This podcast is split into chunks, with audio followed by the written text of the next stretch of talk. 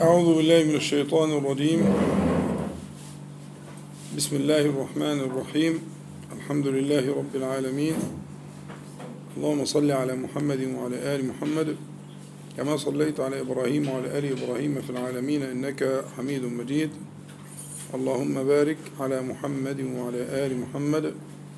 كما باركت على إبراهيم وعلى آل إبراهيم في العالمين إنك حميد مجيد. أما بعد فهذا لقاؤنا المبارك لقاء الوصال و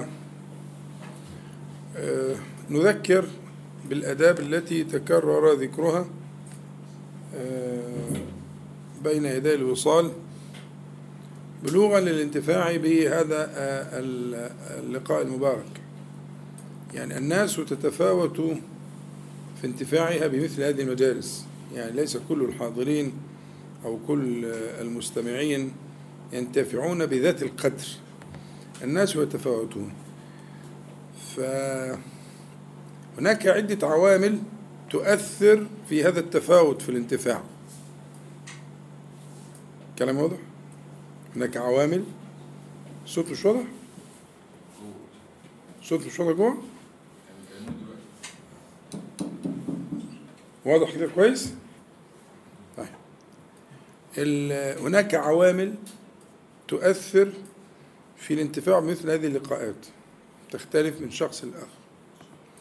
العوامل دي يعني كررت التنبيه إليها ولا أمل إن شاء الله لأن ده واجب عليها التنبيه إلى أسباب الانتفاع بمثل هذه المجالس. أول أول حاجة النية والنية هي هي مدار القضية. ما الذي يحملك أن تتابع هذا المجلس بأي وسيلة من وسائل المتابعات لكن ما الذي يحملك على ذلك؟ لأن القلب هو محل نظر الله الأول. محل الأول لنظر الله تعالى للقلب فإذا رضي ما في القلب نظر في عمل الجوارح. وإن لم يرضى ما في القلب لم ينظر أصلا في عمل الجوارح مهما كانت كثيرة حتى لو كانت حجا وعمرة. وجهادا مش كده الرجل, يقاتل شجاعة والرجل يقاتل حمية والرجل يقاتل المغنم استفاد إيه؟ آه استفاد إن اتقال عليه أو قيل كذا أو إنه خد مغنم أو غيره وأنا جايب لك إيه بذروة السنام اللي هو الإيه؟ ها؟ الجهاد فقد يكون العمل من أرقى أنواع الأعمال وصاحبه خالي الوفاض. لم يحمل معه شيئا ولم يبقي شيئا يجده في الآخرة. موضوع خطير جدا. اللي هو إيه حال قلبك في فيما تعمل. أين قلبك؟ فيما تعمل. وده السؤال المهم الذي أقدمه في آداب هذا المجلس. أول حاجة النية. ما الذي يحملك أن تأتي أو أن تفتح أو أن تدخل في الرابط أن تسمع الكلام. ما الذي يحملك على ذلك؟ هذه قضية القصد والنية وفي هذا الباب ذكرت لك حديثا في صحيح مسلم هم حديثين ورا بعض. الحديث الثاني في صحيح مسلم لا يقعد قوم يذكرون الله عز وجل إلا حفتهم الملائكة وغشيتهم الرحمة ونزلت عليهم السكينة وذكرهم الله في من عنده. أربعة. والأسلوب أسلوب قصر. لا وإلا. والقصر ده من أعلى أساليب العربية في البيان. ولذلك صار وعاء لكلمة التوحيد. لا إله إلا الله. تمام؟ جميل. يبقى أنا في قضية النية ممكن أنا أقول تسلم إيدك ممكن أنا أقول إن أنا أجعل هذا ال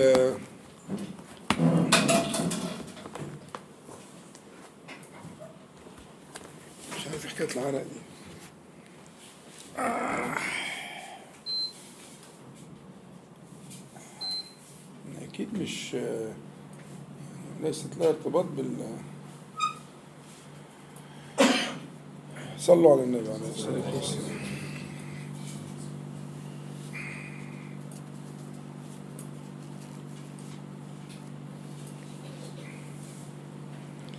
لما الجو غير شوية بقى الناس اللي زي حالاتي كده بيزودوا من نسبة الاحتياط شوية. فانتقل بقى عشان أنتوا ما شاء الله ربنا يحفظكم شباب يعني. آه.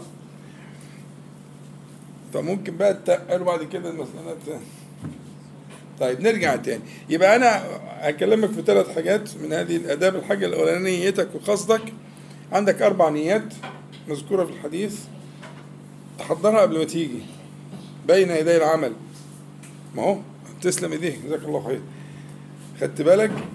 إيه إيه إيه أربع نيات جميلة جدا. لا يقعد قوم ولا يشترط هنا يكون في بيت لأن اللي في بيت الحديث اللي قبله. ده الحديث رقم 700 بعد 2000 بعد ال 2000 من في صحيح مسلم 2700 الحديث اللي قبله 2699 هو اللي فيه اشتراط إيه؟ في في بيت من بيوت الله يتلون كتاب الله ويتدارسونه بينهم فعندنا الحديثين حديث خاص بالمسجد لأن المسجد هتبقى رتبته أعلى. لكن الحديث ده لم يقيد الوعد الإلهي الجميل بالمساجد. لا يقعد قوم يذكرون الله عز وجل إلا حفتهم الملائكة غشيتهم الرحمة نزلت عليهم السكينة ذكرهم الله في من عنده فنية كافية. تحرك جبل. مش تحرك حضرتك يعني. ني- تحرك جبل إنك أنت تيجي لل- للأربع أشياء دي. فدي مسألة النية. المسألة الثانية مسألة الاستخارة. مسألة الاستخارة. وأنا قلت لك أنا أشترط عليك إذا أردت أن تستمع لهذا الدرس أو هذا اللقاء المبارك أو أنك تيجي أنك تستخير. والاستخارة ليس معناها التردد بينت ذلك مرارا. الاستخارة ليست الاستخارة هي طلب الخير فيما تقدم عليه من العمل. فتقول آه، بعد ما تصلي ركعتين اللهم إني أستخيرك بعلمك وأستقدرك بقدرتك وأسألك من فضلك العظيم. ثلاثة. فإنك تقدر ولا أقدر وتعلم ولا أعلم وأنت علام الغيوب. اللهم إن كنت تعلم أن ذهابي للمكان الفلاني وجلوسي مع الناس الفلانيين بالبلدي. م? كنت تعلم أن ذهابي وجلوسي خير لي أن هذا خير لي في ديني ومعاشي وعاقبة أمري وعاجله وآجله. فاقدره لي ويسره لي. ثم بارك لي فيه. ودي أهم حاجة في الثلاثة فاقدره لي ويسره لي ثم بارك لي فيه. فيكون لقاء مباركا فيكون سمعا مباركا فيكون مجلسا مباركا. إيه البركة؟ إنما والزيادة من غير سبب ظاهر. هي دي البركة. وجعلني مباركا أينما كنت. منين ما يحل تحل معاه الايه الهداية والنور والتعليم ودلالة الناس على الخير والإعانة على على البر والتقوى. ده الشخص المبارك اللي هو محكي في القرآن. فيبقى إيه؟ ثم بارك لي فيه. خلصت دي تعالى بقى النص التاني. وإن كنت تعلم أن ذهابي المكان الفلاني وجلوسي كذا قول زي ما أنت عايز بالبلدي خالص من غير أي شروط. م? ذهاب المكان الفلاني لا لا. شر لي في ديني ومعاشي وعاقبة أمري وعاجله وآجله. نفس الخمسة. نفس الخمسة. فاصرفه عنه.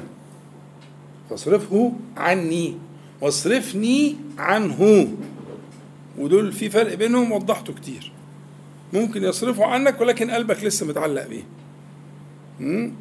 آه، رايح تخطب واحدة وبعدين مفيش نصيب. تقول دي بركة الإيه؟ الاستخارة. لأن أنت قلت فاصرفه عني واصرفني عنه. بس لما يبقاش قلبك لسه متعلق بقى. دي بتاعت ربنا بقى. اللي أنت ما, ما, ما, ما أتقنتش كلمة إيه؟ ها؟ ها؟ واصرفني عنه دي مهمة أوي. صرفه عني دي أنت مش فاهمها أوي.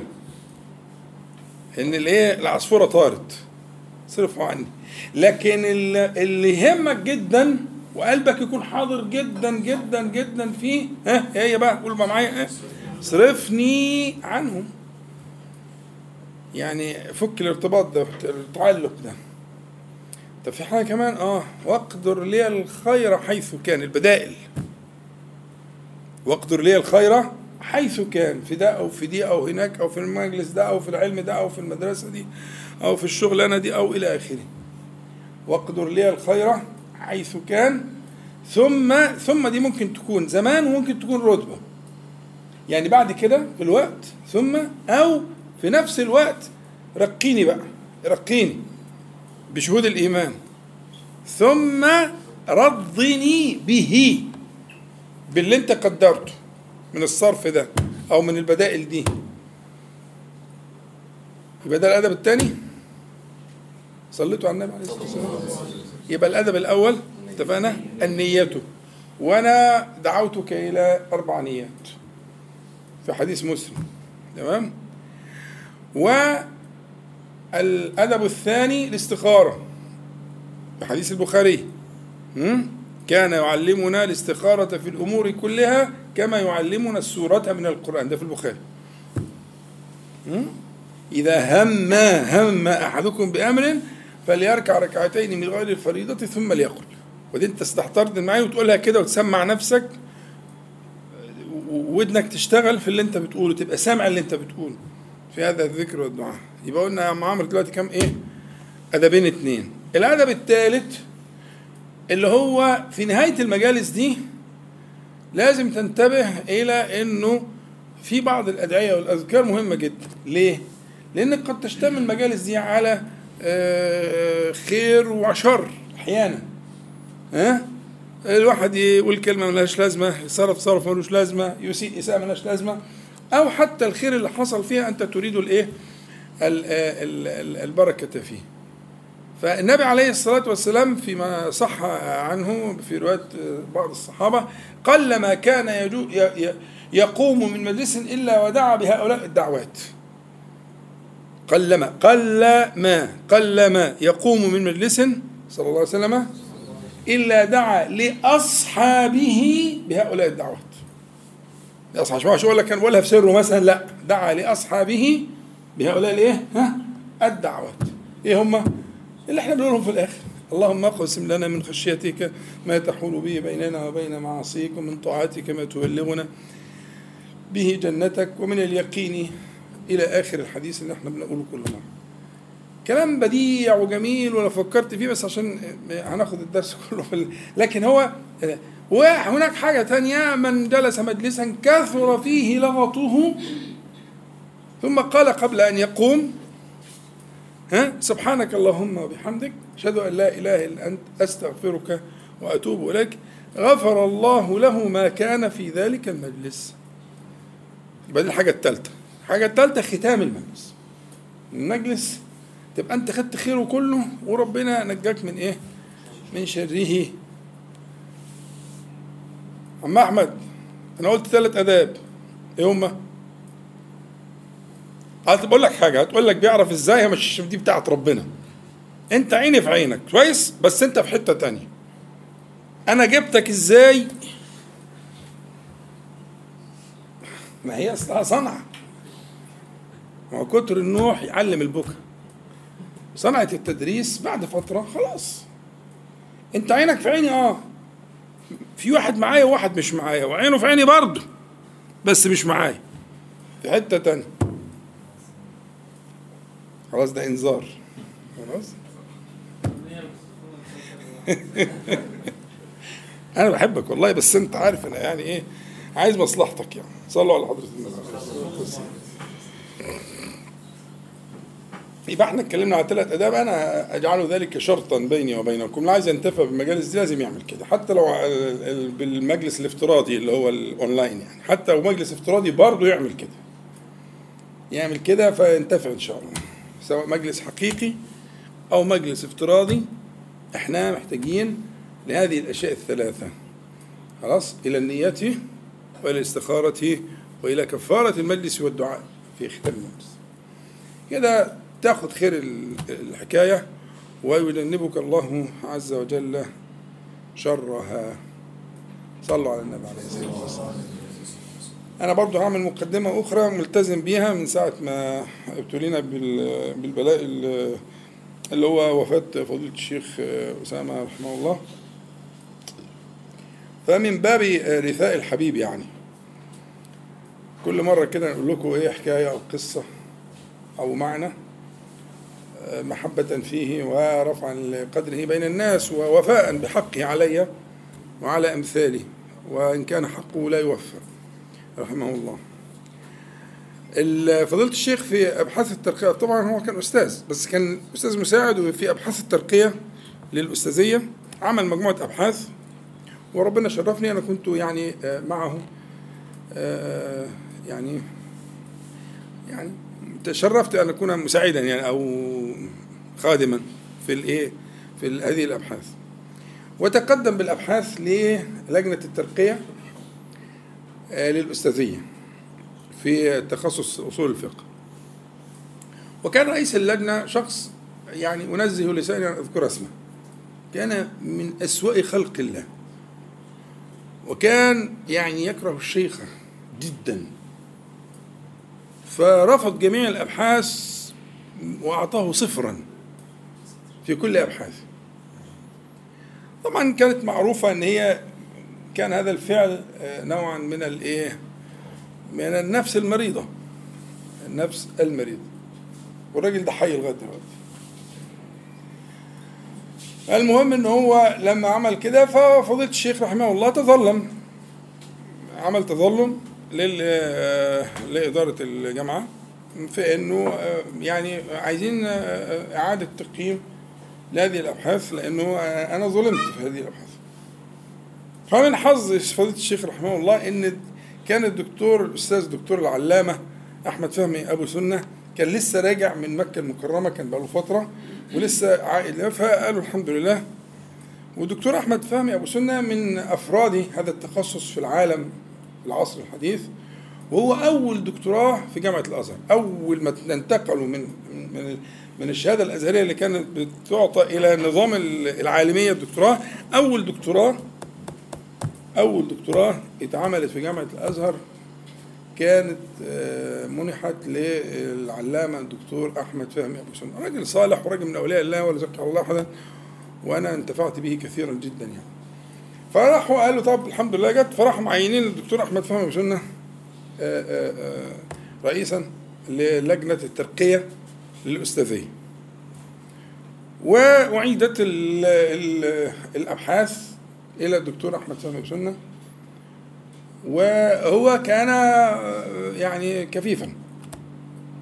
آه رحمه الله. أحمد فهم سنة كان كفيفا.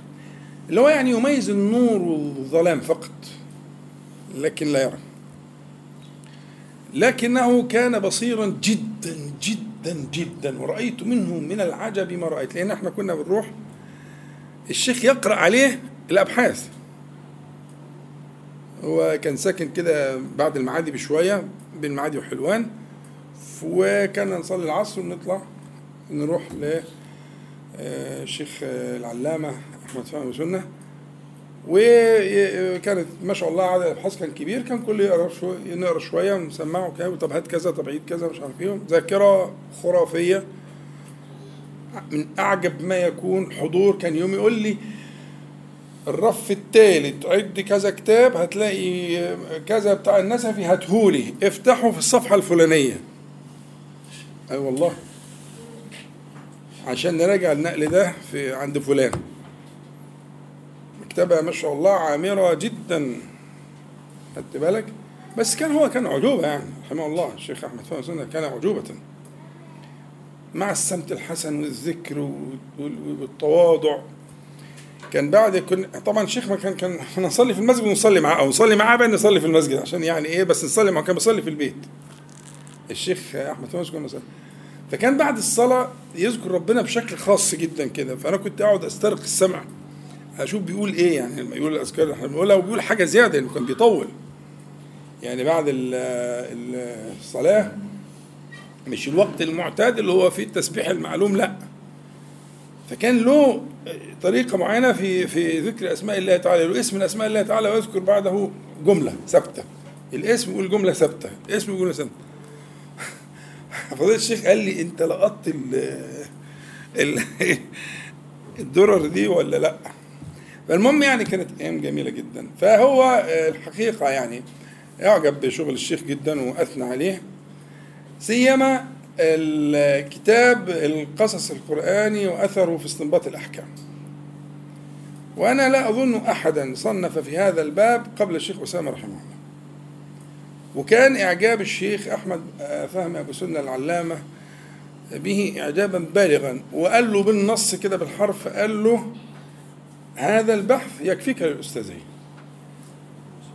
وكمل كمل في الطريق ده. وأثنى عليه جدا ودعا له. طبعا بقول له يا ابني هو فرق السن كان كبير يعني.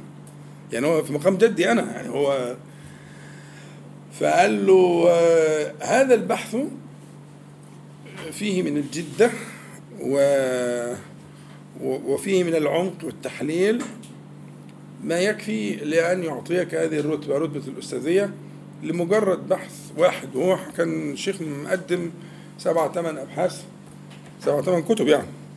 للترقية. وأثنى على الباقي. لكن هذا الكتاب أعجبه جدا وأثنى عليه جدا. ودعا الشيخ رحمه الله رحمة واسعة أن يكمل هذا الطريق بهذه النظرة الجديدة الموفقة المسددة. لهذا العلم الصعب المعقد الدقيق جدا اللي هو علم أصول الفقه. وأثنى عليه هذا الثناء. وكانت كانت مشوار الحياة كان من أجمل الرحلات العلمية التي شرفني الله بها. وكان الشيخ بيبقى رايح في منتهى التواضع وكان رحمه الله لم يجلس معه على أريكة البتة. يا ابني اقعد جنبي كان يقول له كده يا ابني تعالى جنبي لا يمكن. الشيخ يقعد على الأرض وهو قاعد على الكنبه يا ابني أنا عايز أسمعك بقى يقول له علي صوت المولى. ولم يجلس معه بجواره على الأريكة ولا مرة واحدة. وكان الشيخ يقعد على الأرض ويقعد يقرأ له وهو قاعد على الأرض. لكن يقعد جنبه لا مستحيل. ورغم الشيخ كان يقول له يا ابني اطلع بقى جنبي ما مفيش. فكان فضيلة الشيخ رحمه الله يجله جدا وينزله منزلته يعني. وكان يجلس على الأرض. طبعا كلنا بنقعد على الأرض كان مع الشيخ يعني. بنساعده نقرا له حاجة نجمع حاجة نجيب كتاب نشوف مرجع هو عايز يتأكد من النقل أو كده إلى آخره. كان بيبقوا كام ساعة كده آه، من النعيم. وأعطي آه، الدرجة بأعلى الدرجات درجة الأستاذية يعني بأعلى الدرجات. ورد الله له حقه مع ما رأيت كما قلت لكم من هذه الأخلاق العظيمة والبديعة. وهذا الثناء اللي أنا يعني أعتبره من أجل أنواع الثناء العلمي المتخصص التي نالها فضيلة الشيخ. إنه الشيخ أبو سنة رحمه الله يقول له هذه الكلمة البديعة ويثني على هذا العمل المبارك. صلوا على النبي. عليه الصلاة والسلام بمناسبة الأحداث والدنيا كده فإحنا هن إيه هنخرج خروج خفيف كده الليلة إن شاء الله ونتكلم على آية واحدة من كتاب الله. ويكون لها بعض التعلق باللي إحنا عايشينه. يعني مصطفى كان بيتكلم على اللي إحنا عايشينه من جهة أنا أتكلم على اللي إحنا عايشينه من جهة أخرى وإن شاء الله تكون برضه توصلنا لنفس المقصد بإذن الله تعالى. آه وبعد كده هناخد فترة راحة قصيرة وللأسئلة. وإحنا جايبين لكم أقلام عيان وأوراق وجاهزين يعني. فاللي عنده سؤال يبقى يجهزه في فترة الاستراحة. وهتبقى بعد الاستراحة يبقى ما عندكم من الأسئلة وإن شاء الله ندعي بعدها بإذن الله تعالى. صلوا على النبي عليه الصلاة والسلام. ربنا تعالى يقول وهو الذي ينزل الغيث من بعد ما قنطوا وينشر رحمته وهو الولي الحميد. الآية مهمة جدا. وفيها كنوز آه، يعني عليه الصلاة والسلام من أعجب ما يكون. فأنا هشترط على حضراتكم اللي مش حافظها يقوم يسمعها. خلاص؟ هقولها كمان مرة إحنا بنتكلم في سورة الشورى نص الشورى كده تقريبا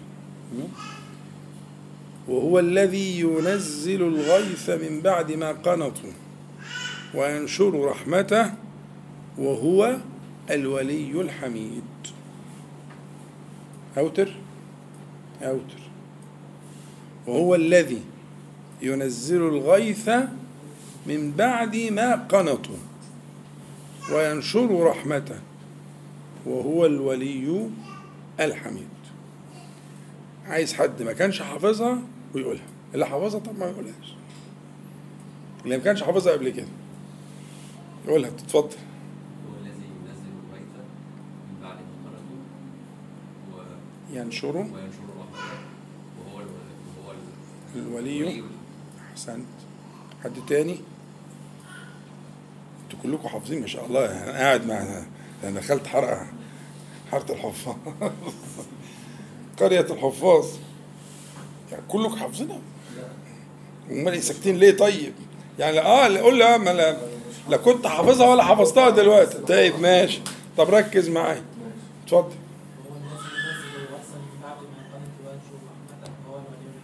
أحسنت. بارك الله فيك. قول.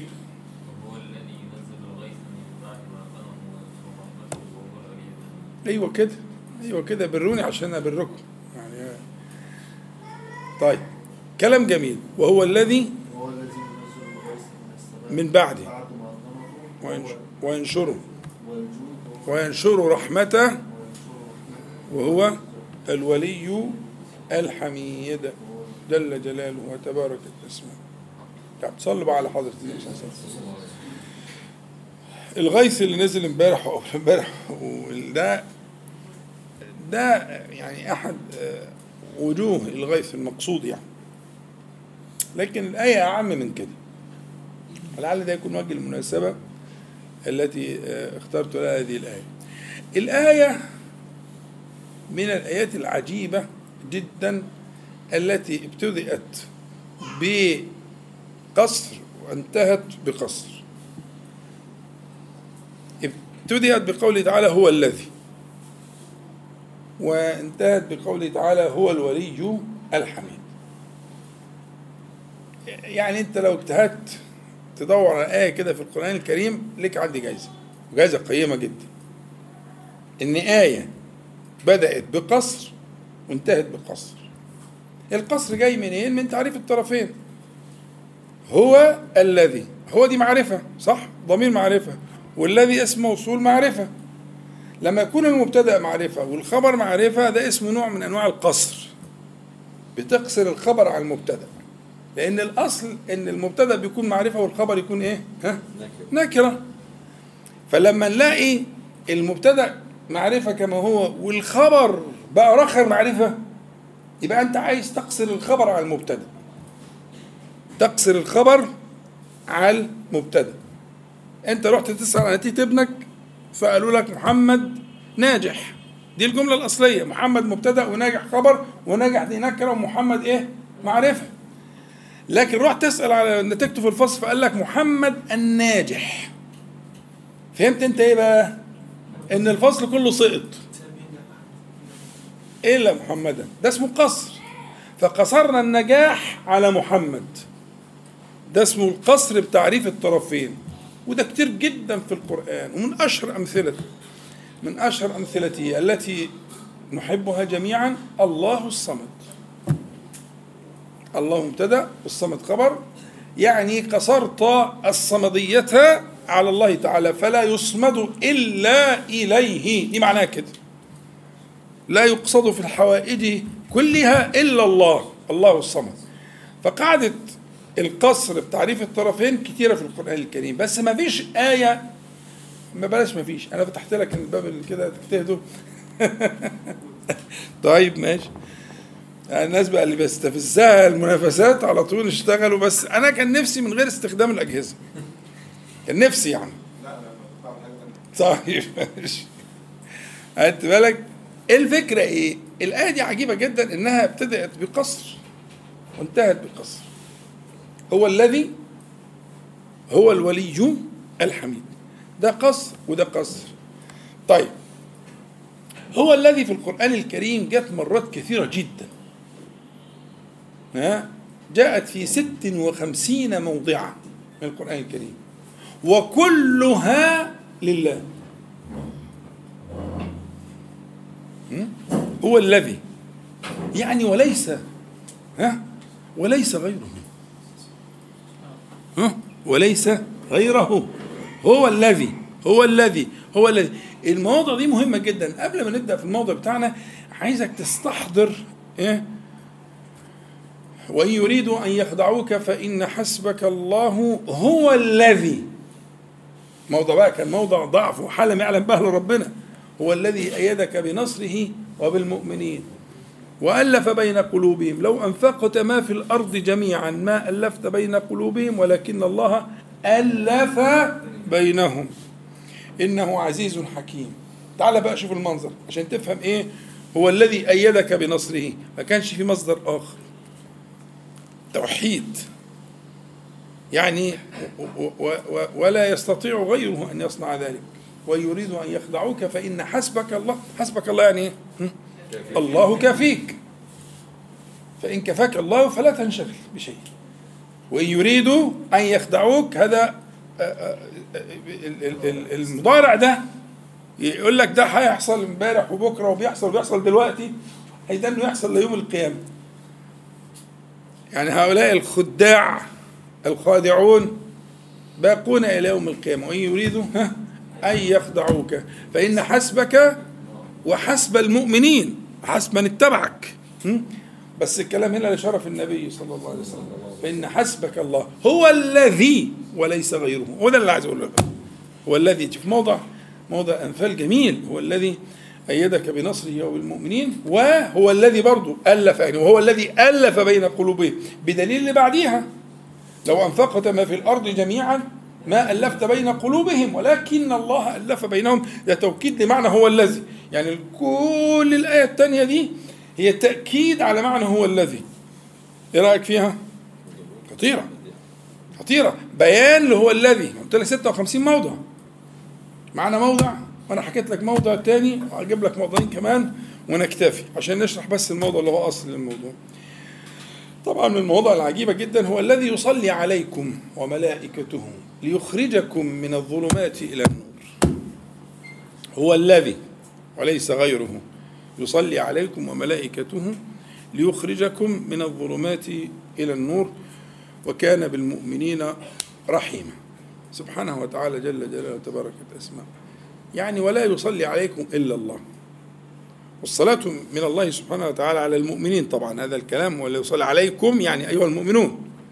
ها؟ ليس لجميع خلقه لا. إنما هذه خاصة بها المؤمنين هو الذي يصلي عليكم وملائكته يصلون. فصلاة الملائكة ليست كصلاة الله تعالى إنما هي آه، من بركات صلاة الله تعالى على المؤمنين. والذي يصلي عليكم وملائكته آه، صلاته من الرحمة والهداية والنور والبركة. كل ذلك يظهر في قوله تعالى ليخرجكم. دي لم تعليل. إنما يصلي عليكم ليخرجكم. إنما بركة الصلاة منه سبحانه وتعالى ليخرجكم. فأنت فهمت بقى. فهمت الصلاة من الله تعالى.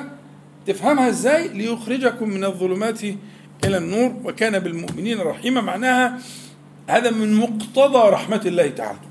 يعني مقتضى رحمته سبحانه وتعالى أنه يصلي عليكم. فماذا يكون بعد صلاته علينا؟ أن يخرجنا من الظلمات. طبعا أهم الظلمات ظلمات الشرك والكفر وال- واليأس والقنوط والانقطاع عنه سبحانه وتعالى إلى آخره. وده موضع جميل جميل جميل. آخر موضع الحشر الذي لا أمل من ذكره بصراحة. هو الذي أخرج الذين كفروا من أهل الكتاب من ديارهم لأول الحشر. خلي بالك بقى اللي جاي ده هو بيان هو الذي. ما ظننتم أن يخرجوا. ظننتم ده للصحابة يعني. يعني أنتوا في حساباتكم شايفين إن دول ما يتغلبوش. دول ما يتهزموش.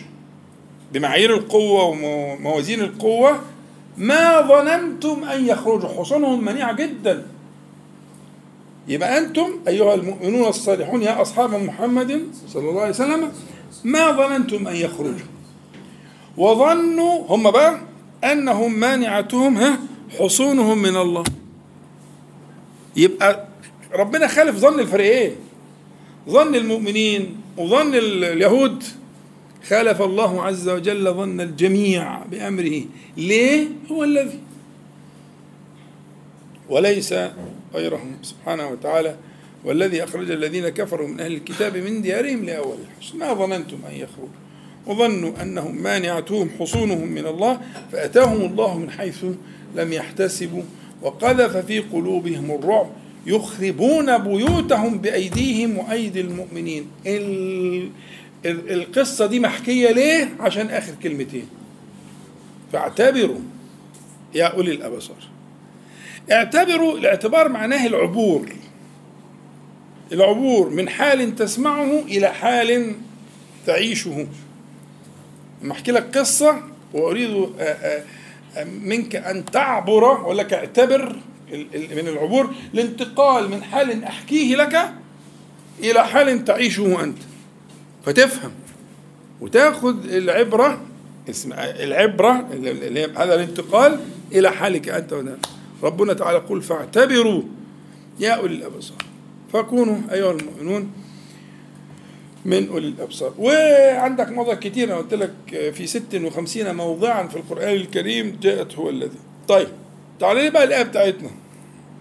هو الذي احتاجت هذه الصياغة هذا القصر هو الذي ينزل الغيث من بعد ما قنطوا. الغيث الغيث آه، مصدر الغيث مصدر وإحنا اتفقنا لما تيجي تسمي حاجة بالمصدر أنت تريد ماذا؟ ها؟ تريد المبالغة فاكرين الأمثلة؟ تقول سعيد ومسعد وأسعد ومش عارف إيه وتقول سعد فإذا سميته سعدا جعلته إيه؟ مصدرا لسعيد ومسعد وأسعد وسعدية ومسعدة كل ده يخرجون من إيه؟ ها؟ من سعد مظبوط؟ أو فقير وأفقر ومفتقر وتسميه إيه؟ فقر فإذا سميته فقرا جعلته مصدرا للفقر منين ما يحل؟ يحل الإيه؟ ها؟ الفقر فإن قلت الشخص ده فقر يعني إيه فقر؟ مش فقير أو مفتقر أو إلى آخره لا ده هو منين ما يحل يحل معه الايه؟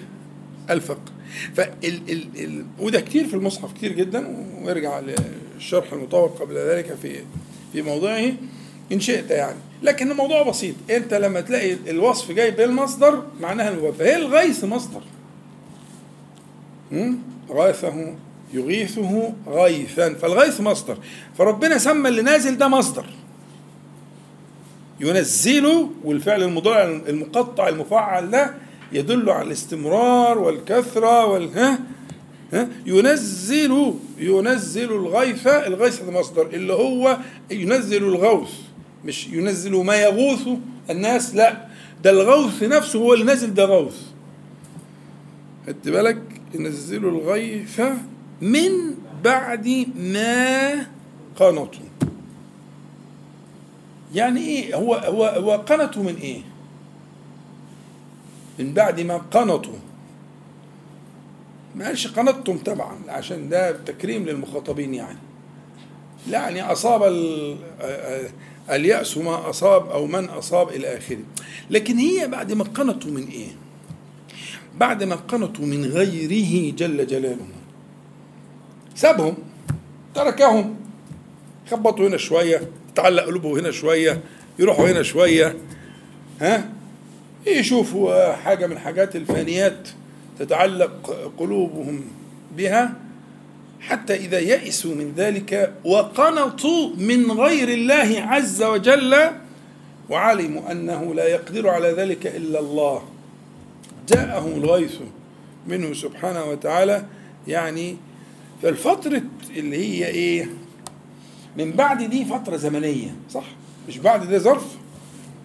فترة زمنية. فدي فترة زمنية هيبقى فيها يترك ال ال العبد يصل إلى ذلك. يقعد زي الفار اللي عمال يخبط مش محبوس في القفص. ها؟ يطلع فاكر إيه- إيه؟ شيء لغاية لما إيه؟ راح قاعد. لا خلاص ما فيش مخرج. ها؟ فهو تركه آه، فترة من الزمان اللي هي بعد دي. اللي هي زمان فترة زمان. تركه فترة من الزمان ليصل إلى هذه النتيجة. إنه يقنط من غير الله تعالى. فهو صح عشان ما تفهمش غلط. مش قنطوا من رحمته سبحانه وتعالى قنطوا منه لا. الله يفتح عليك. تفرق بين السماء والأرض. قنطوا من غير الله تعالى. لما قنطوا من غيره فلجأوا إليه نزل الغيث يبقى الفترة الزمنية دي الله أعلم بقى. تطول تقصر آه، يوم شهر سنة سنتين ثلاثة عشرة 11 12 زي ما يكون الله أعلم. هذا قد إيه؟ لكن هنا هذه الفترة اللي هي بعد ما? الفترة دي مقصودة. إنما أمره إذا أراد شيئا يقول له كن فيكون. الفترة دي مقصودة. مقصود منها إيه؟ أن تصلوا إلى ذلك الذي ذكر ها ربكم اللي هو إيه؟ أن تقنطوا ها من غيره.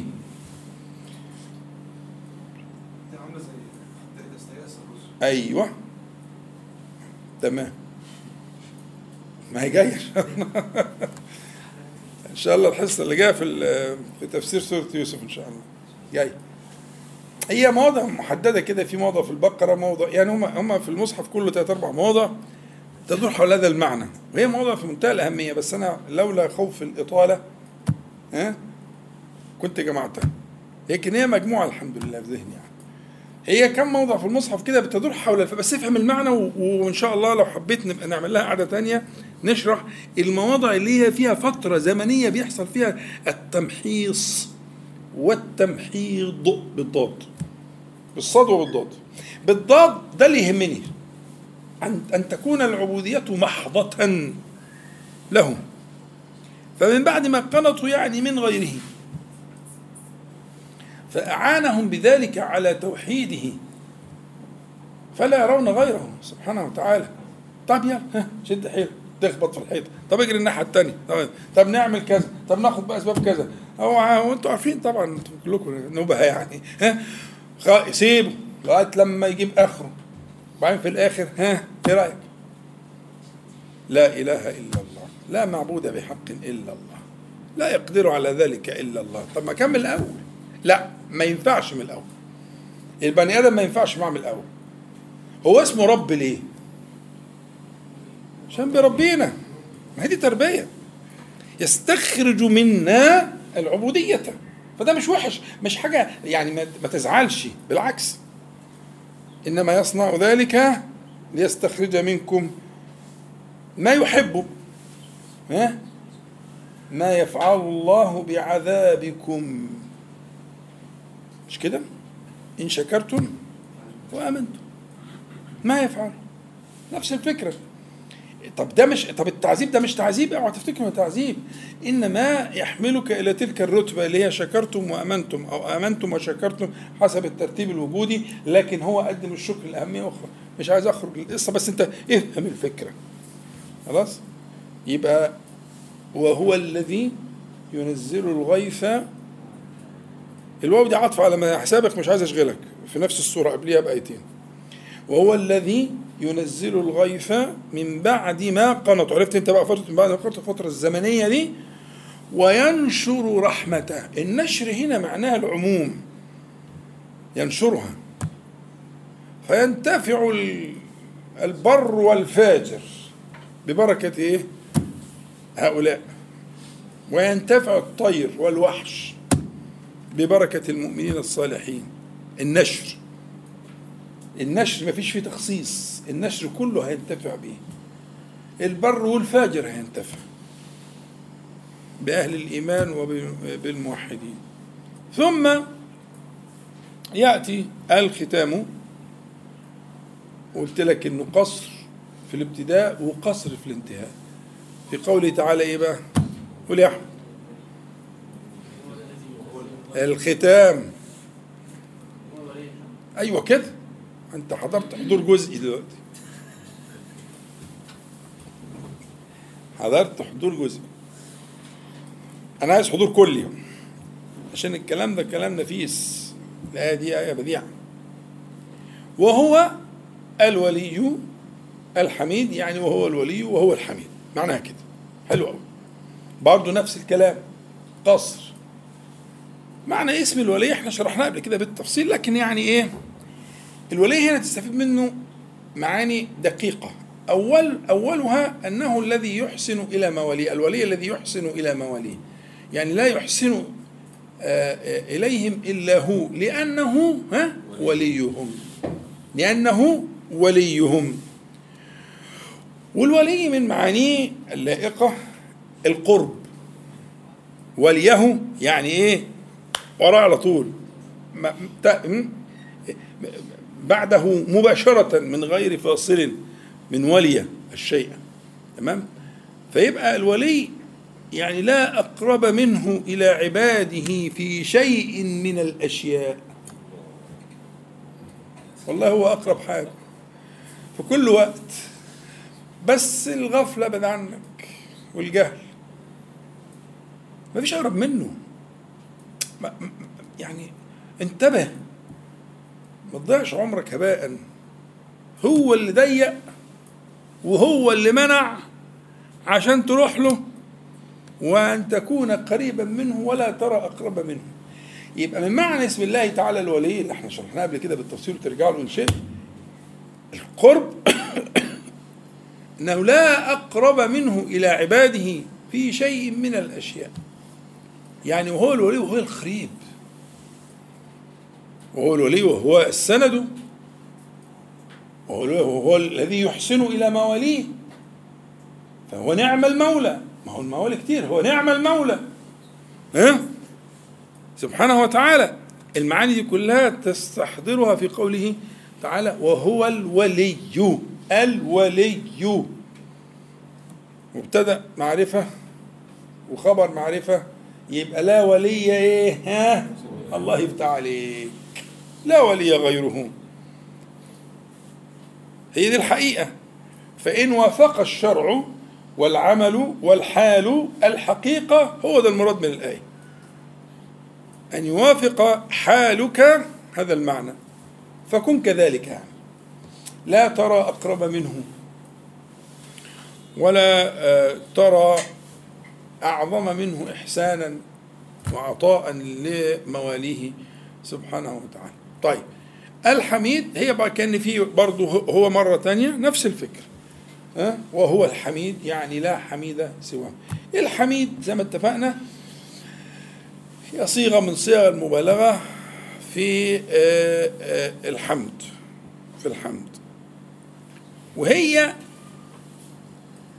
آه، فعلها الفعل الايه اللازم اللي هو آه، آه، كحال الصفات التي تلازم صاحبها اللي هو حمودة مش حمدة حمدة لكن حمد منها محمود. فليه ليه مش من أسماء الله تعالى المحمود؟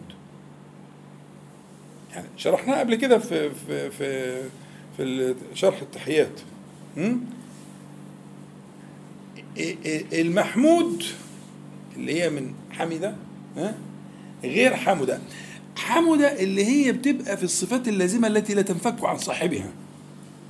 زي حسن ولطف وظرف.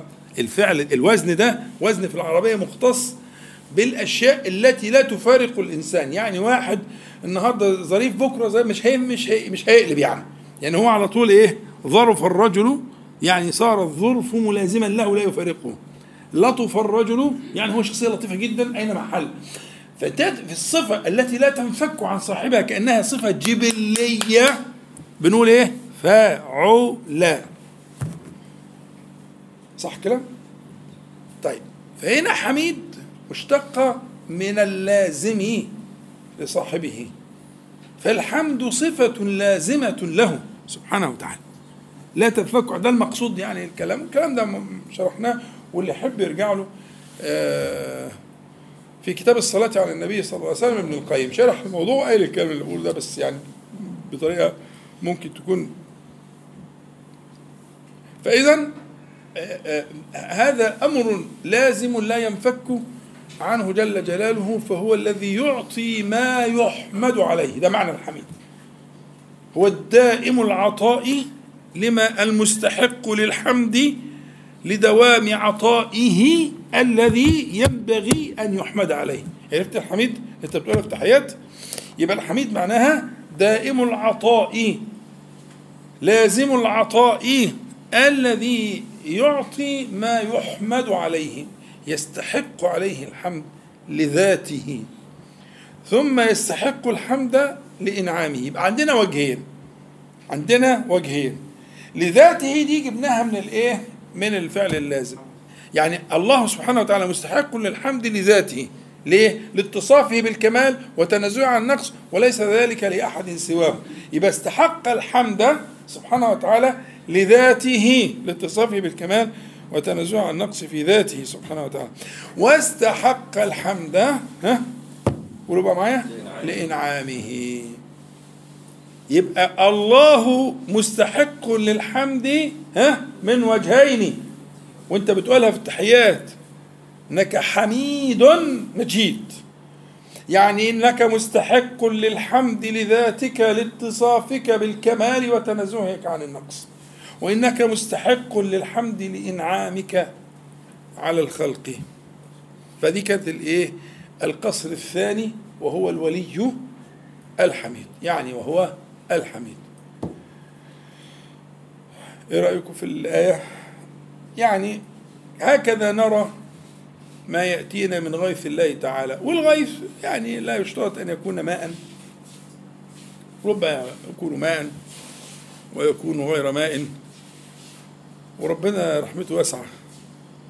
وهو اللطيف سبحانه وتعالى الذي يجري أقداره بالخفاء باللطف الخفي. وهو الذي ينزل الغيث من بعد ما قنطوا وينشر رحمته وهو الولي الحميد. نسأل الله تعالى أن ينفعنا جميعا بما قلنا وما سمعنا وأن يجعله حجة لنا لا علينا رب العالمين وأن يعيذنا وإياكم وسائر إخواننا من المسلمين والمسلمات من شرور أنفسنا من سيئات أعمالنا. اللهم صل على محمد وأنزل المقعد المقرب منك يوم القيامة. إن شاء الله استراحة قصيرة ونعود الأسئلة الأقلام موجودة والأوراق موجودة. تفضل. أعوذ بالله من الشيطان الرجيم. بسم الله الرحمن الرحيم. الحمد لله رب العالمين. اللهم صل على محمد. وأنزل المقعد المقرب منك يوم القيامة. أما بعد آه، سؤال آه، نرجو بيان ذوي الأرحام الواجب وصلهم ذوي الأرحام الواجب وصلهم في خلاف بين أهل العلم في تعي- تعيينهم. لكن من أقرب ما آه، رأيت في ذلك أنهم يعني أصل كلمة الواجب عشان تفهمها يعني آه، آه، ترك الواجب حرام. ترك الواجب حرام. فيعني الذين آه، يحرم آه، قطعهم. ما هي الرحم, الرحم يعني لو صيغنا السؤال بشكل تاني ما هي الرحم التي يحرم قطعها؟ ويترتب على ذلك سؤال يعني كيف يكون الوصل؟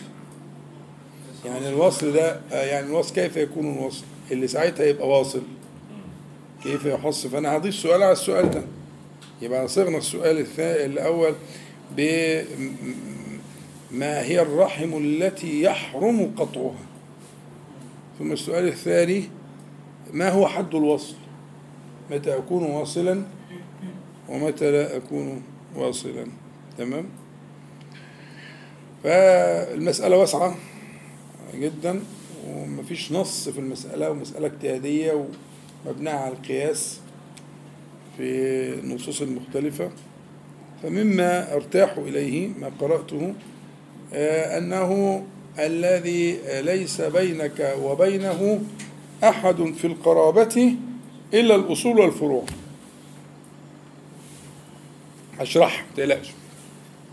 الذي ليس بينك وبينه أحد في القرابة يعني أنت وعمك بس مش ابن عمك. أنت وخالك بس مش ابن خالك. أنت وخالتك بس مش عيال خالتك. وهكذا. إلا الأصول والفروع. فالأم والجد? والابن وابن الابن. هذه الدائرة هي التي يجب وصلها هي التي يجب ويحرم قطعها. لكن لو قلت أولاد العم وأولاد الخال ها وأزواجهم وكده الكلام ده أنت كده ستذهب إلى ما لا يمكن إدراكه. ولكن آه، الوصف ده وصف قريب جدا. واستثناء الفروع والأصول آه، آه، مقبول. الفروع والأصول اللي هو الأب وأبو الأب. يعني الجد ده أصل؟ آه طبعا. الأصل هو الأب وأصل الأب هو الجد. والابن ده فرع وابن الابن ده فرع فرع الفرع. خدت بالك؟ فنستثني الأصول والفروع وما عدا ذلك لا يكون بينك وبينه أحد. يبقى مباشر يعني هو على طول.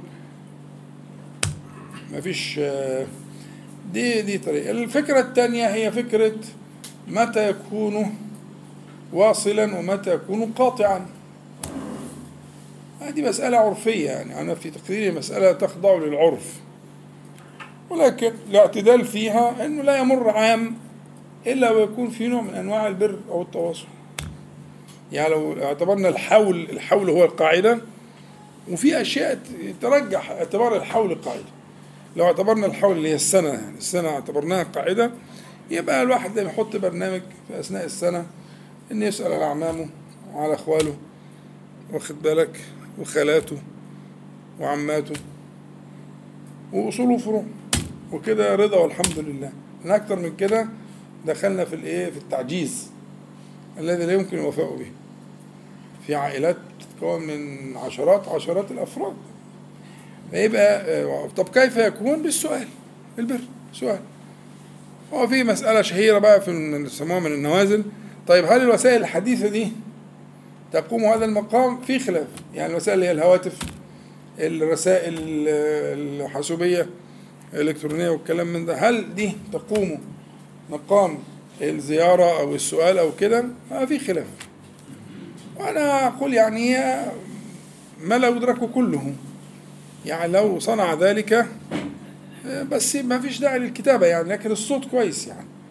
يعني الاتصال الهاتفي أظن إن هو يأخذ آه، يعني آه، آه، نوعا من البر الحقيقي يعني. وسامحني وظروفي إن شاء الله أكون كذا وحقك عليا وبتاع خلصت. لكن آه، هي مسألة عويصة جدا بصراحة. وأنا بحثت فيها كتير جدا جدا. ما وجدت يعني آه، كلاما شافيا إلا ما سمعتموه. هل هناك مشكلة في الانشغال بالذكر أثناء سماع دروس العلم والذكر؟ وهل يجوز آه، أثناء خطبة الجمعة هو الذكر يعني؟ الجواب ما جعل الله لرجل من قلبين في جوفه. هذا محال.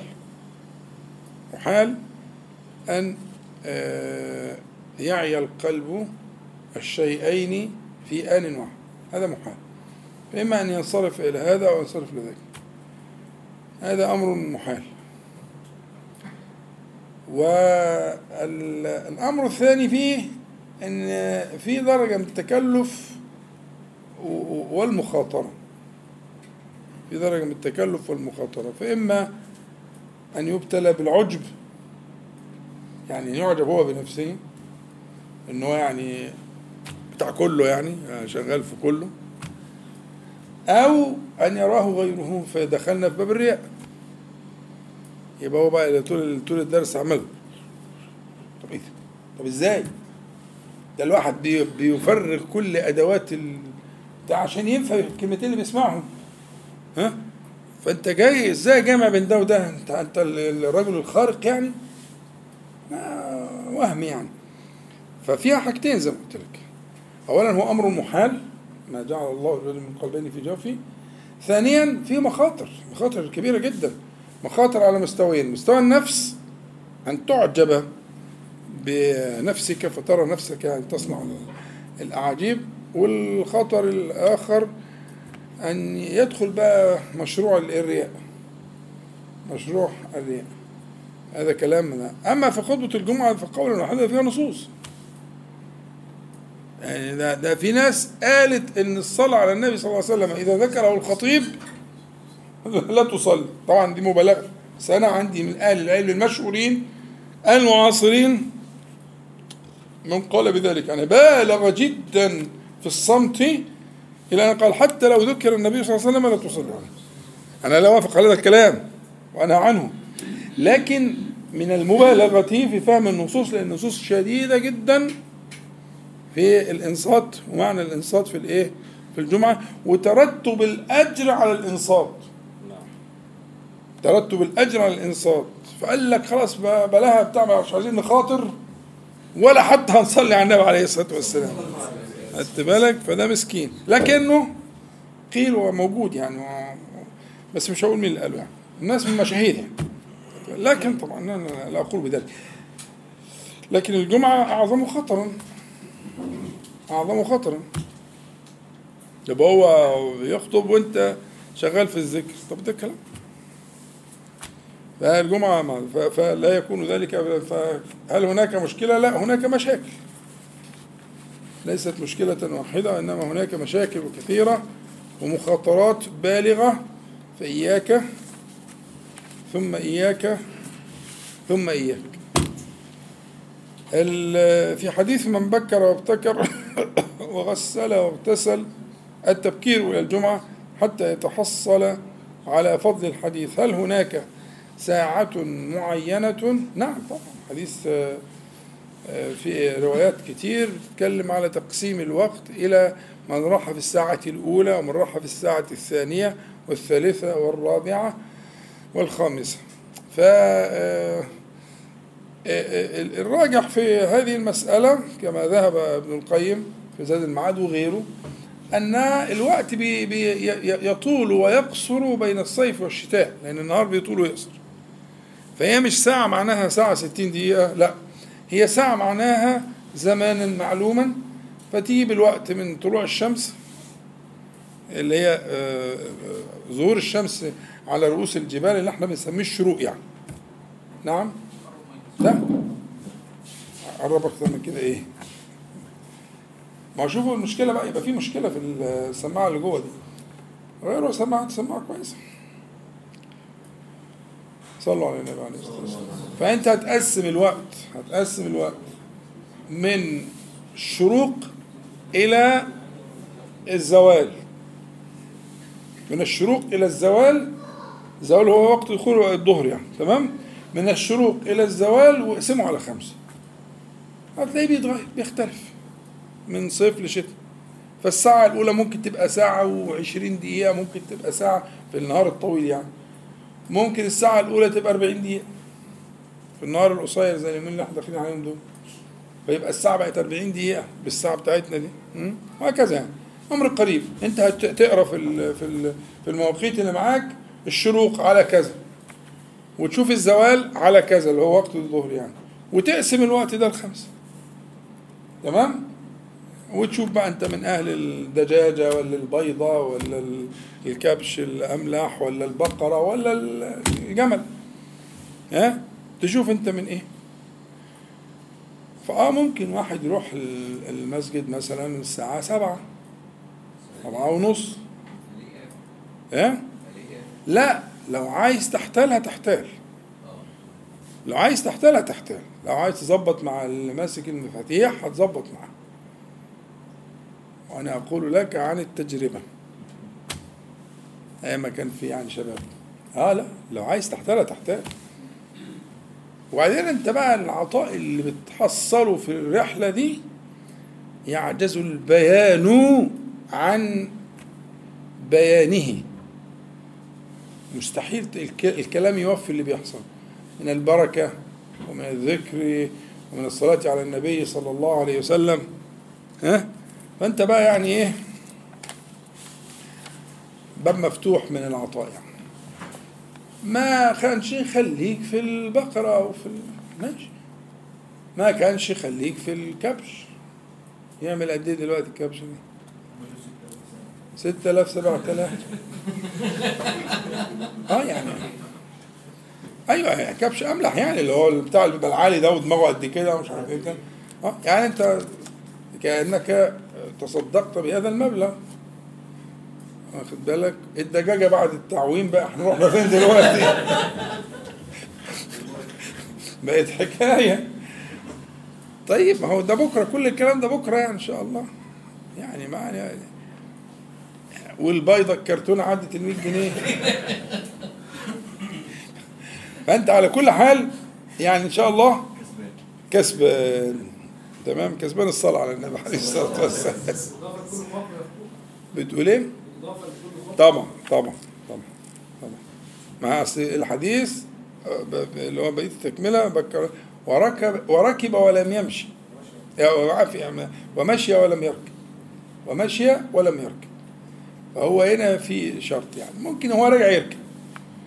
لأن مفيش نص على الرجوع. لكن المروح طب أنا المشوار بعيد. مشوار جامد يعني. يعني لو رحت أبقى رايح اتعصر خلاص اركب سيارة أو حاجة لغاية مكان قريب. لغاية نص كيلو مثلا 500 متر ولا حاجة وامشيهم واخد بالك؟ يعني إذا كنت عاجز إنك أنت ت- ت- ت- تقطع الطريق كله فيبقى برضه إيه ما تحرمش نفسك يعني. صلى الله على النبي. عليه الصلاة والسلام الذي بعده ما الفرق بين التدبر والتفكر. ده موضوع يعني يطول شرحه. لكن نختصره التدبر جاي من ال- الدبر والإدبار اللي هو الاتباع اللي هو ما يأتي بعد الشيء. ده ده إيه؟ ده التدبر والتدبر في القرآن آه، جه في أربع مواضع. منها ثلاثة في خطاب الكفار والمنكرين للقرآن الكريم. آه أفلا يتدبرون القرآن إلى آخره. فهو للأسف ليس المشهور أن هو الرتبة الأعلى. لا طبعا. هذا ليس من الرتبة الأعلى. ده رتبة رتبة ال- المجادلة والبيان لغير المؤمن بالقرآن إلى آخره. ده أصلها كده. وجت في موضع واحد لأهل الإيمان. تمام؟ لكن التفكر هي الرتبة العالية وهي حال النبي صلى الله عليه وسلم ومدح الله تبارك وتعالى كما في خواتيم سورة آل عمران. ويتفكرون في خلق السماوات إن في ذلك الآيات فالتفكر في القرآن كتير في رتبة عالية في المدح وكده وجاء من الفكر. يعني إعمال الفكر في النص. إعمال الفكر ده اسمه التفكر. التفاعل هنا إعمال الفكر في النص. بفهمه وفهم دلالاته ومعانيه زي المحاولات اللي بنحاول نعملها مع بعضنا دي. لكن التدبر التدبر ده ما يترتب عليه في دبر الشيء ما ما ما يعقبه من النظر لأنه مثلا آه، ألا يجدوا فيه اختلافا فيقولون هذا من هذا كلام الله. يعني التدبر يورث آه، آه، اذعانا بأن هذا الكلام لا يكون إلا من الله. فكأنه البوابة يعني المدخل. يعني التدبر مدخل. مدخل لما هو أرقى منه. ومن الرتب ال- العالية بعده هذا الإيه التفكر. وغير ذلك بس عشان الموضوع كبير فأنا مش عايز أفضل السبل نرجو توضيح أفضل السبل لتحصيل أساسيات اللغة مثل النحو والبلاغة. في ظل انشغالات الحياة. النحو والبلاغة وما إلى ذلك آه، يختلف حسب الشخص وتخصصه ودراسته وعلمه كده فإن كان من عموم الناس ليس من أهل التخصص مش طالب مثلا في كلية بتدرس العلوم ال- اللغة أو حتى في مدرسة ثانوية أو كده هذا ليس مطلوبا منه إلا أن آه، يكثر من سماع ال- اللغة وفهم دلالات الألفاظ قدر ما يستطيع ما فيش أكثر من كده. يعني ينقي سمعه عن أن يدخله المهرجانات والحاجات بتاعت الشباب دي ويسمع آه، الكلام العربي الجميل في القرآن الكريم في السنة المطهرة في الشعر في الأدب إلى آخره يعني. لكن طبعا هذا دي قضية تخصصية يعني. لكن عموم الناس لا نكثر من سماع النافع والأدب والحاجات النافعة دي. وده الطريق سبل التحصيل أما المتخصص أو من هو على سبيل التخصص ده يجيني بعد كده. يعني ده ده ده علم بقى ودراسة ومراتب وحكاية جميلة يعني إن شاء الله. آه هل يدخل الغيث القلبي مثل حسن الظن بالله في الغيث المذكور في الآية؟ طبعا ده هو الأولى. وأنا ذكرته في كلام. ارجع للتسجيل. طبعا. الغيث الأصل هو هو هو غيث القلوب مش غيث الأرض. ليش هتعمل الأرض في قلوب ميتة؟ طب ما هو العالم في أوروبا عندهم أحلى زرع وأحلى مية وأحلى أرض وأحلى حاجة. بس قلوبهم جفت. قلوبهم تشققت بعد الجفاف. من بعدهم عن الله تعالى. هذا كلام تاني. هو الأصل في الغيث المذكور والذي ينزل الغيث هذا المصدر هو ما تغاث به القلوب من ذكره سبحانه وتعالى. أو من كان ميتا. نعم. أو من كان ميتا فأحييناه. وجعلنا له نورا يمشي به في الناس. الم- الميت مش معناه لا الميت اللي هو يعني تشقق قلبه من جفافه. ها؟ ده المقصود يعني والله. فطبعا الغيث يا أخي الكريم أصل فيما سمعت. أظن الأخير بقى هل الكوتشينة والشطرنج حرام؟ لعبهم للأطفال. وخصوصا الشطرنج يستخدم في تعليم الذكاء للأطفال دي مسائل مختلف فيها والخلاف في الش- في الشط- الشطرنج أقل حدة من الخلاف في ال- الكوتشين. آه، والأحاديث الصحيحة جاية في النرد في النرد شير اللي هو الزهر. تمام؟ ف هذه مسألة مختلف فيها بين المتقدمين والمتأخرين وخلاف مشهور أكيد حضراتكم تعرضتوا له في في المواقع المختلفة وكده. فما ستسمعه الآن هو رأيي. هو رأيي. فأنا لا أرى في الشطرنج بأسا البتة بل أراه نافعا. بالشرط العام ألا يشغل عن ذكر الله تعالى وعن الصلاة وعن إلى آخره. لأن ممكن دول يقعدوا تلات أربع ساعات بالسلامه يا قلبي هيروح فيها صلاة ولا اتنين. وسخنا على بعض وحاجات زي كده. لكن بالشرط العام إن الإنسان يحافظ على ذكر الله تعالى. واحد كان بيسألني يذكر ربنا في صلاة الجمعة. يذكر ربنا في الدرس. لا يذكر ربنا وأنت بتلعب شطرنج. دي ماشيه حلوة. جميلة. يبقى كويس. صلى على النبي صلى الله عليه وسلم كتير ويفتح عليك وتكسب إن شاء الله. كده يعني. آه والله يعني خليها بقى خليها بند في اللعب يعني. خلي كثرة الصلاة على النبي صلى الله عليه وسلم بند تفتح لك ذهنك. مش مش مش مش ده وعد بكثرة الصلاة على النبي صلى الله عليه وسلم. تكفى همك ويغفر لك ذنبك. تكفى همك فأنت مهموم أنت مزنوق. الوزير بتاعك في زنقة. فأنت من كثرة الصلاة عليه صلى الله عليه وسلم تتفك الأزمات يعني ببركة الصلاة عليه. فاختياري عشان ما حدش يجي يقول لي أصل الشيخ فلان والبتاع والبتاع والحديث يعني أنا قاري ده كله الحمد لله. أنا بقول لك خلاصة موقفي الشخصي. أن الشطرنج نافع جدا بشرط ألا يكون مانعا من ذكر الله تبارك وتعالى ومن تعظيم الأذان. والاذان جه يبقى خلاص خلصت كل حاجة نقف وحاجات زي كده. آه، لأنه في فوائد كتير. في تقديري وفي الدراسات معروف والدراسات ال- النفسية والعلمية والطبية وكده إن هو لا بالذات لو كان الشخص عنده بعض الملكات التي تنمى بهذه اللعبه يعني مش كل عيل هنقول لازم نعلمه شطرنج عشان آه، لا. هي في عيل بيبقى عنده الايه الملكة. بس الملكة دي بمعرفة الخطط والتوقعات وقراءة آه، آه، عقل الخصم وكده هتنمو جدا وتتطور وكده. فإن كان الولد كذلك أو البنت كويس جدا وسنحصل على نتيجة ممتازة وعلى عقلية يعني متطورة في هذا المقام. يبقى عموما نافع وخصوصا نافع جدا للمختارين. بيعلم الصبر. الصبر إنك تقعد تفكر تتأمل بين النقلة والنقلة والحركة والحركة. تفكر وقت ويعلم الصبر والكده واخد بالك؟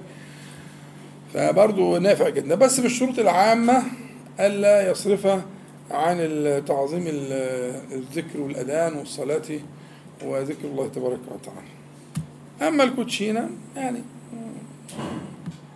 لا بأس. عايز يلعبها يلعبها مش مشكلة يعني. لكنها ليست مفيدة قوي يعني. عنصر الحظ فيها كبير. يعني عنصر الحظ في الشطرنج متضائل جدا. حتى يكاد يختفي. يكاد يختفي. لكن الكوتشينة وكل ما فيه أرقام وحاجات زي كده عنصر الحظ فيه وبعدين نمو الفكرة فكرة الحظ الحظ فكرة الحظ الحظ. وأنا حظي كده والدنيا كده وتقعد بقى إيه تغني الأغاني الجميلة بتاعت ال مش مظبوط الكلام ده. انت بتنمي معنى إحنا عايزين نحجمه. هو موجود آه بس عايزين نحجمه. انت بتنميه بشكل غير مقصود. ان هذا التوزيع العشوائي للأوراق وللبتاع. وإن واحد جاله كذا فكما فهي من جهة الجواز أنا لا أستطيع أن أحرمها. في غير حرمه طبعا. وفي ناس مشايخ وفي في في في علماء المسلمين من وافق هذا ومنهم من وافق- ذاك. فعشان ما حدش إيه يشتد على حد. وما حدش يغلط. عشان في ناس من المانعين هم من أجلة الناس. وفي ناس من المجيزين من أجلة الناس. ولا واحد يعرف حجمه. ها؟ عملش فيها بتاع. وسمع نص حديث ولا تلتين مش عارف إيه بتاع يروح جاب رافع آه، سيفه ومش عارف إيه. لا. هتجد ناس من الكبار من الأئمة الكبار. الفحول ممن أجازوا. بس أنا مش عايز أخش في تفاصيل يعني. هي من الفحول من أجاز فحول أهل العلم يعني كبار كبار كبار. اتكلم في الغزالي يعني حاجة في الآخر خالص يعني في القمة في في قمة الهرم العلمي. وأجاز ذلك. لهم رؤية يعني. وفي منهم من حرم فالأمر قريب يعني. آه، خلاص. فلا بأس يعني. حاجات بقى اللي هي بالواد بيلعبوها. بس أنا أقول لك أصل بنك الحظ. طب ما هو أنت كده بتنمي فكرة مش مظبوطة. بس لازم اديله البديل همنع وامنع وامنع طب وبعدين؟ ده أنا خليت الحظ له بنك. مفهوم الفكرة؟ انت بتزرع في ذهنه فكرة آه، في منتهى الخطورة. خليت الحظ له بنك. طب أنا حظي قليل. أيوه ما هو افرض الولد مش موهوب قوي. هيبتدي يؤمن بفكرة إن أنا حظي قليل. أنا حظي قليل. فلان وفلان من ولاد عمه ولا من اخواته ولا من ولاد الجيران أكثر منه حظا. فأنت بتدخله بطريقة آه، حريرية بتدخله فكرة إيه؟ حكم الحظ. ها؟ لكن هي الحقيقة غير كده. الحقيقة إن ربنا موزع على الناس بالتساوي. فاللي عنده سين ما عندوش صاد واللي عنده صاد ما عندوش عين واللي عنده عين ما عندوش لام. ده بقى اللي أنا ابقى ناجح دخلته في في, في ذهن الولاد. وفهمهم إن أنت وظيفتك أو وظيفتي أنا كمربي أو معلم أو أستاذ أو أو, أو معلمه أو غيره إن أنا أكتشف هذه المواهب اللي ربنا سبحانه وتعالى اودعها في فيك. ومش لازم تكون زي إخواتك ولا زي قرايبك ولا زي ابن عمك ولا زي جيرانك ولا زي بتوع الفصل. أنت ممكن يكون لك من العطاء ما ليس لغيرك. وأنا دوري كمعلم كمربي إن أنا ها أعمل إيه أكتشف? دايما أقول في الدرس بتاع تربية الأولاد ليس للمعلم أو المربي أو الوالدين التوجيه التوجيه ده في منتهى الخطورة وظيفتك الأولى مع أولادك ومع اللي بتعلمهم وفي المدرسة وفي الكتاب وكده إنك تكتشف العيل اللي قصادك. ما تسب... لا, لا, تجعل خطوة تسبق هذه الخطوة. الخطوة الأولى الاكتشاف. وطول بالك وما تستعجلش لغاية لما تتأكد إنك اكتشفتي ال- الموهبة اللي موجودة هنا ومفيش عيل ما عندوش موهبة. ولو كان كفيفا برضه عنده موهبة. لو حرم مما عند غيره برضه عنده موهبة وربك بيعوض سبحانه وتعالى بس أنت وظيفتك إيه إنك تتعلم أدوات الاكتشاف تكتشف العين. فإذا ما وضعت يدك توكل على الله. إن شاء الله تبقى مربي نافع إن شاء الله سواء كنت أبا أو معلما أو محفظا أو إلى آخره.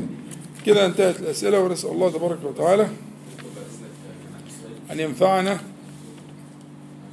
طب ما كتبتش ليه؟ جالي ولابس أبيض فأبيض وفي المنام وبتاع. بخاف من اللي جالي دي.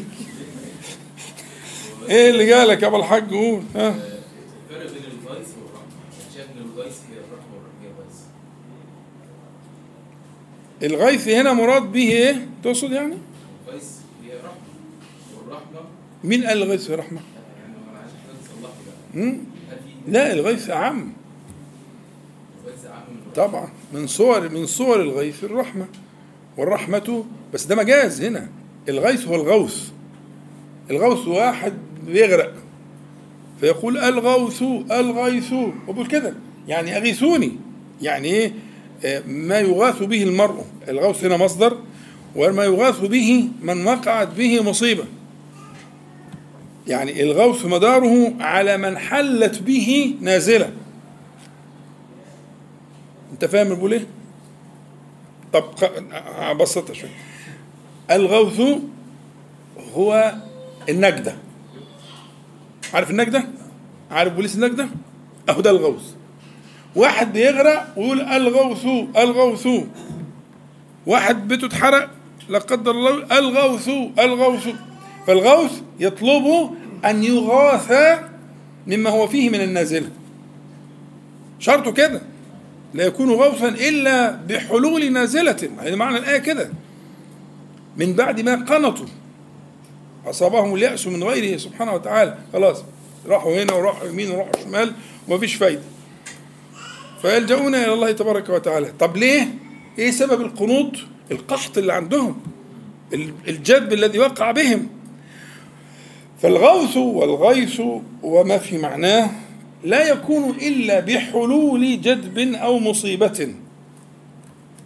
فهمت؟ لا الرحمة غير كده خالص.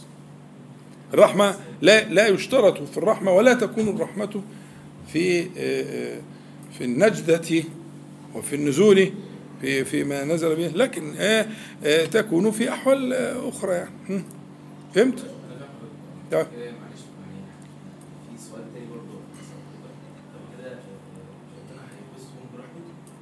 هي يبقى أنت هتخلي هتسمي المطر اللي هينزل رحمة. مجاز. يعني أنت خليت المطر اسمه رحمة. ما من بعد ما قنطوا وينشروا إيه؟ ها؟ رحمته. ففي عطف أهو والعطف يقتضي المغايرة. فهينشر الرحمة يعني ينشر الخضار بعد الجفاف وبعد جفاف الأرض الضرع والزرع والدنيا دي كلها. فلجوا الله تبارك وتعالى فجاه الغيث.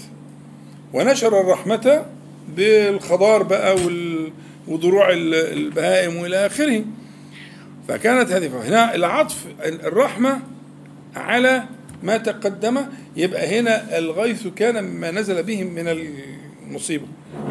يعني إحنا مثلا في لا قدر الله أو حصل يعني في عندنا مصيبة. صح؟ فبنقول إيه؟ الغوث يا ربي أغثنا. أغثنا بكشف هذه الغمة. صح؟ فإذا كشف الغمة تأتي بقى الرحمات والبركات والرزق والسعة. لكن الأول الغوث, والغيث يكون لكشف ما نزل من المصيبة والغمة. خلاص؟ آه، زي الآية بيقولها محمد كده. وإن يستغيثوا يغاثوا بماء كالمهل. سيطلبون الغوث مما نزل بهم فلازم الغوث لا يكون إلا مع نزول مصيبة آه، أو داهية أو ما في معناها. زي المصيبة والدهاء اللي الناس عايشة فيها. فالناس تقول يا رب رحمتك. ألطف بعبادك إلى آخره. فيجي بقى الرحمة تيجي تفك عن الخلق نسأل الله تعالى أن ينفعنا جميعا بما قلنا ما سمعنا أن يجعل حجة لنا لا علينا يا رب العالمين. وأن يعيذنا وإياكم وسائر إخواننا من المسلمين والمسلمات من شرور أنفسنا سيئات أعمالنا وفتنة القول والعمل. اللهم صل على محمد النبي وأزواجه أمهات المؤمنين وذرياته وأهل بيته كما صليت على آل إبراهيم إنك حميد مجيد. اللهم اقسم لنا من خشيتك ما تحول به بيننا وبين معاصيك من طاعتك ما تبلغنا به جنتك ومن اليقين ما تهون به علينا مصائب الدنيا. اللهم متعنا بأسماعنا أبصارنا وقوتنا ما أحييتنا واجعله الوارث منا. واجعل ثأرنا على من ظلمنا وانصرنا على من عادانا ولا تجعل مصيبتنا في ديننا لا تجعل الدنيا أكبر همنا ولا مبلغ علمنا ولا تسلط علينا من لا يرحمنا. اللهم ربنا آتنا في الدنيا حسنة وفي الآخرة حسنة وقنا عذاب النار. اللهم صل على محمد وأنزله المقعد المقرب منك يوم القيامة والحمد لله رب العالمين. نقول جميعا سبحانك اللهم ربنا وبحمدك.